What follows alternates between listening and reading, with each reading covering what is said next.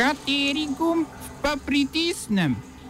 Tisti, na katerem piše OF. Spor med ZDA in Kitajsko zasenčil srečanje držav Azijsko-Pacifiške regije. Vojna v Jemnu, Huti napovedali prekinitev raketiranja savdskih ciljev. Francija in Nemčija dosegli načelen dogovor za vzpostavitev proračuna evroobmočja. Izvoljenih 156 od 212 županov. V kulturnih novicah pa podaljšanje županovega mandata in prijav na audicijo RKHV.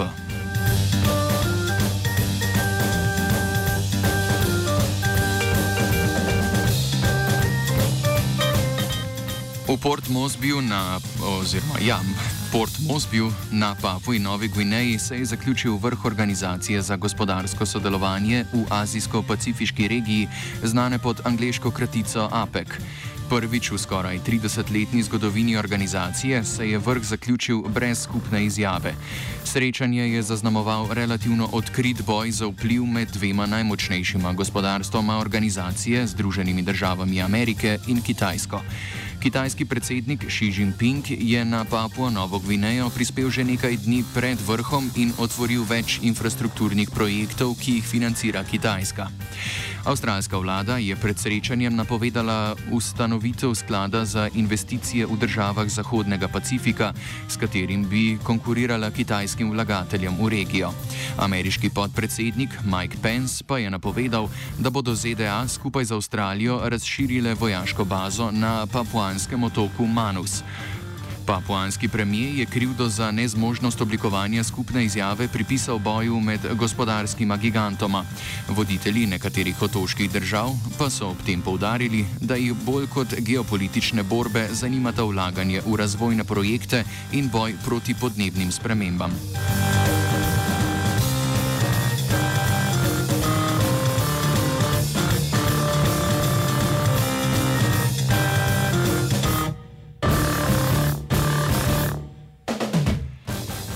Kitajska agencija za nadzor trga je sporočila, da je več kot leto trajajoča preiskava o dogovarjanju cen med proizvajalci računalniškega spomina odkrila množstvo dokazov o kartelnem delovanju.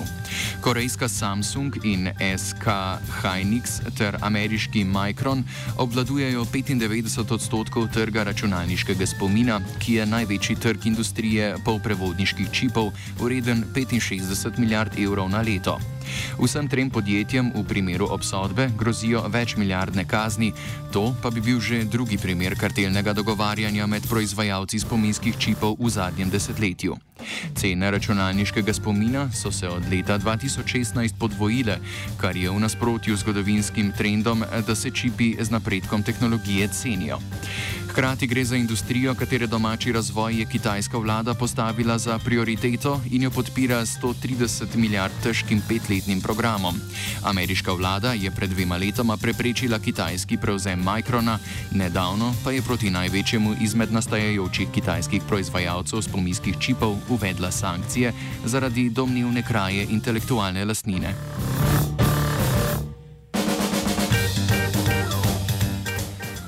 Od trgovinskih k vojaškim bojem. Vodstvo gibanja Hutijev, ki se ujemno bori proti koaliciji pod vodstvom Saudove Arabije in Združenih arabskih emiratov, je napovedalo prekinitev raketiranja koalicijskih tarč prekinitvi raketiranja je Hutije pozval posebni odposlanec Združenih narodov za Jemen.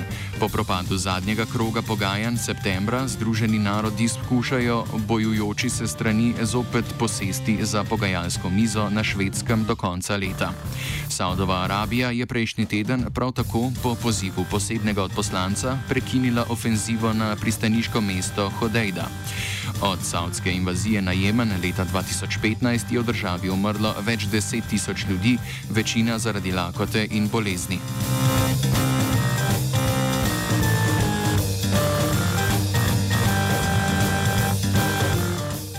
Izraelski minister za izobraževanje Naftali Bennett ostaja na položaju, njegova desničarska zionistična stranka Judovski dom pa članica koalicije. Morebitni odstop Beneta, s katerim je zagrozil prejšnji teden, bi zrušil vlado pod vodstvom Benjamina Netanjahuja. Benet je z odstopom grozil zaradi prekinitve napadov na Gazo, zaradi katere je odstopil obramni minister Avigdor Lieberman, ki je prekinitev označil za kapitulacijo. Benet je sprva zahteval, da mesto obramnega ministra prevzame sam, v, v nasprotnem primeru pa, da bo iz koalicije izstopil.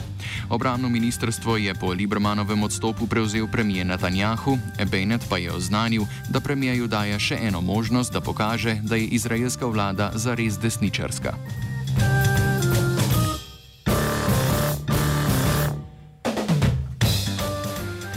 Finančna ministra Francije in Nemčije Bruno Le Maire in Olaf Scholz sta dosegla strinjanje glede vzpostavitve proračuna evroobmočja. Vzpostavitev skupnega proračuna držav skupno valuto je ena izmed ključnih točk programa francoskega predsednika Emmanuela Macrona za nadgradnjo Evropske unije, ki pa je Nemčija do nedavnega nasprotovala. Ideja pa je z nemškim žegnom doživela spremembe. V nasprotju z Macronovim načrtom, da bi bil ta proračun ločen od evropskega, bo sedaj del skupnega evropskega proračuna, kar pomeni, da ga bodo morale odobriti vse države članice, če tudi niso del evroobmočja. Poleg tega proračun ne bo namenjen stabilizaciji gospodarstv držav, ki bi se znašle v težavah, kot si je zamislil Macron, temveč bo namenjen ulaganju v infrastrukturo, ki zaradi svoje dolgoročnosti nima takojšnjega stabilizacijskega učinka. Načrtu zaenkrat kljub načelnemu strinjanju dveh največjih gospodarstv evroobmočja manjkajo podrobnosti. Tako naprimer ni jasno, kako obsežen naj bi sploh bil proračun evroobmočja, niti ne iz katerih virov naj bi se financiral.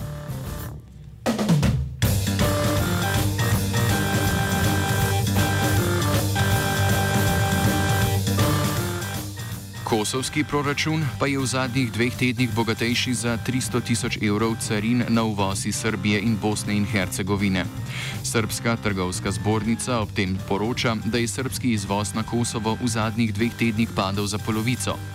Takrat je namreč Kosovo uvedlo 10-odstotno carino na uvoz izdelkov iz Srbije ter Bosne in Hercegovine zaradi negativnega odnosa do Kosova in učlanitve v mednarodne organizacije. Kosovsko ministrstvo za trgovino je potrdilo, da se je uvoz iz omenjenih držav prepolovil. Kosovo sicer z obema državama beleži velik trgovinski primankljaj. Kosovska podjetja so lani v Srbijo izvozila le za približno 20 milijonov evrov dobrin, uvozila pa za skoraj 350 milijonov evrov. Trgovina z Bosno in Hercegovino je manjša, znaša nekaj manj kot 90 milijonov evrov, pri tem pa Kosovo beleži 80 milijonov evrov primankljaja.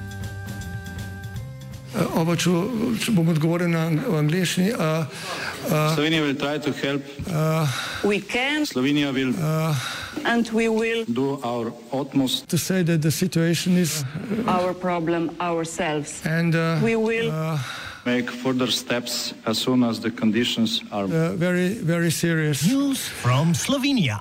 We know how and we will. Uh, Na včerajšnjih lokalnih volitvah je bilo izvoljenih 156 od skupaj 212 članov oziroma županov. Manda. Med izvoljenimi je le 17 žensk, v drugem krogu pa bo med 112 pretendenti kandidatke le 8. Med mestnimi občinami se drugi krog obeta v Kopru, Kranju, Mariboru, Novi Gorici, Naptuju in v Slovengradcu. Mariborski župan Andrej Fištrovec se poslavlja od položaja, obeta pa se bitka med Sašom Arsenovičem iz SMC in Francem Kanglerjem iz Nove ljudske stranke. Dosedanji koperski župan Boris Popovič, ki je prejel skoraj 45 odstotkov glasov, se bo v drugem krogu pomeril z Alešem Bržanom, ki je prepričal 30 odstotkov voljivcev. Na Ptuju je relativno zmago dosegla kandidatka SD Nuška Gajšek, sledi pa ji nekdani župan Štefan Čelan. V Ljubljani je slavil Zoran Jankovič, njegova lista pa je v 45. oziroma 45 članskem mestnem svetu dobila 23 mandatov. Tako je število sedežev povečala z, oziroma Ja, tako je število sedežev povečala za enega in osvojila absolutno večino. Slovenska demokratska stranka je število mandatov v mestnem svetu dvignila z 6 na 10, tretja uvrščena levica pa z enega na 4.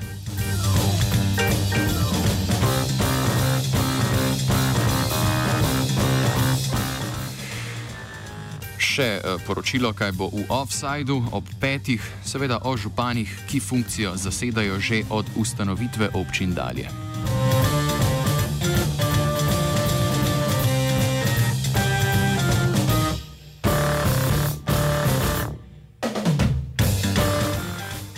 Je pripravil Twitter, sledijo kulturne novice.